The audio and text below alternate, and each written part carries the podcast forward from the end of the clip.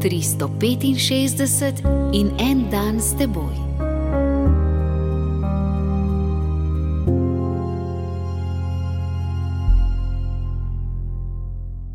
Iz Lukovega evangelija, drugo poglavje, vrstice od 25 do 38. Bil pa je v Jeruzalemu mož, ki mu je bilo ime Simeon. Bil je pravičen in bogaboječ pričakoval je Izraelovo tolažbo. Tam je bila tudi prerokinja Ana, Fanuelova hči iz Aserjevega rodu. Bila je že zelo v letih. Simeon in Ana sta zelo stara po letih, pa zelo mlada po duhu.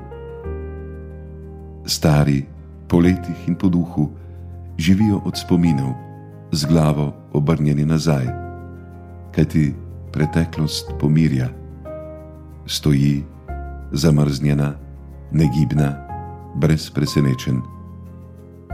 Lahko jo hranimo v žepu in delamo z njo, kar hočemo. Toda preteklost je brez upanja, ker je brez božje navzočnosti. Bog je vedno spredaj, da ustvarja nove stvari, novosti življenja.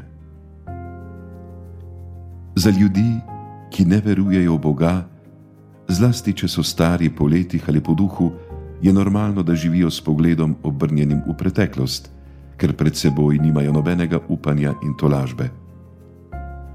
Tisti pa, ki verujejo v Boga, ne morejo živeti drugače kot Simeon in Ana, s pogledom naprej proti Bogu, v pričakovanju njegove tolažbe. Rekli boste, Ampak zakaj so potem služabniki in služabnice cerkve tako uklenjeni v preteklost, da ne samo, da se bojijo prihodnosti, pač pa se celo niso sposobni sprijazniti s sedanjostjo? Kakšna škoda! Cerkev zamenjujejo z antikvariatom.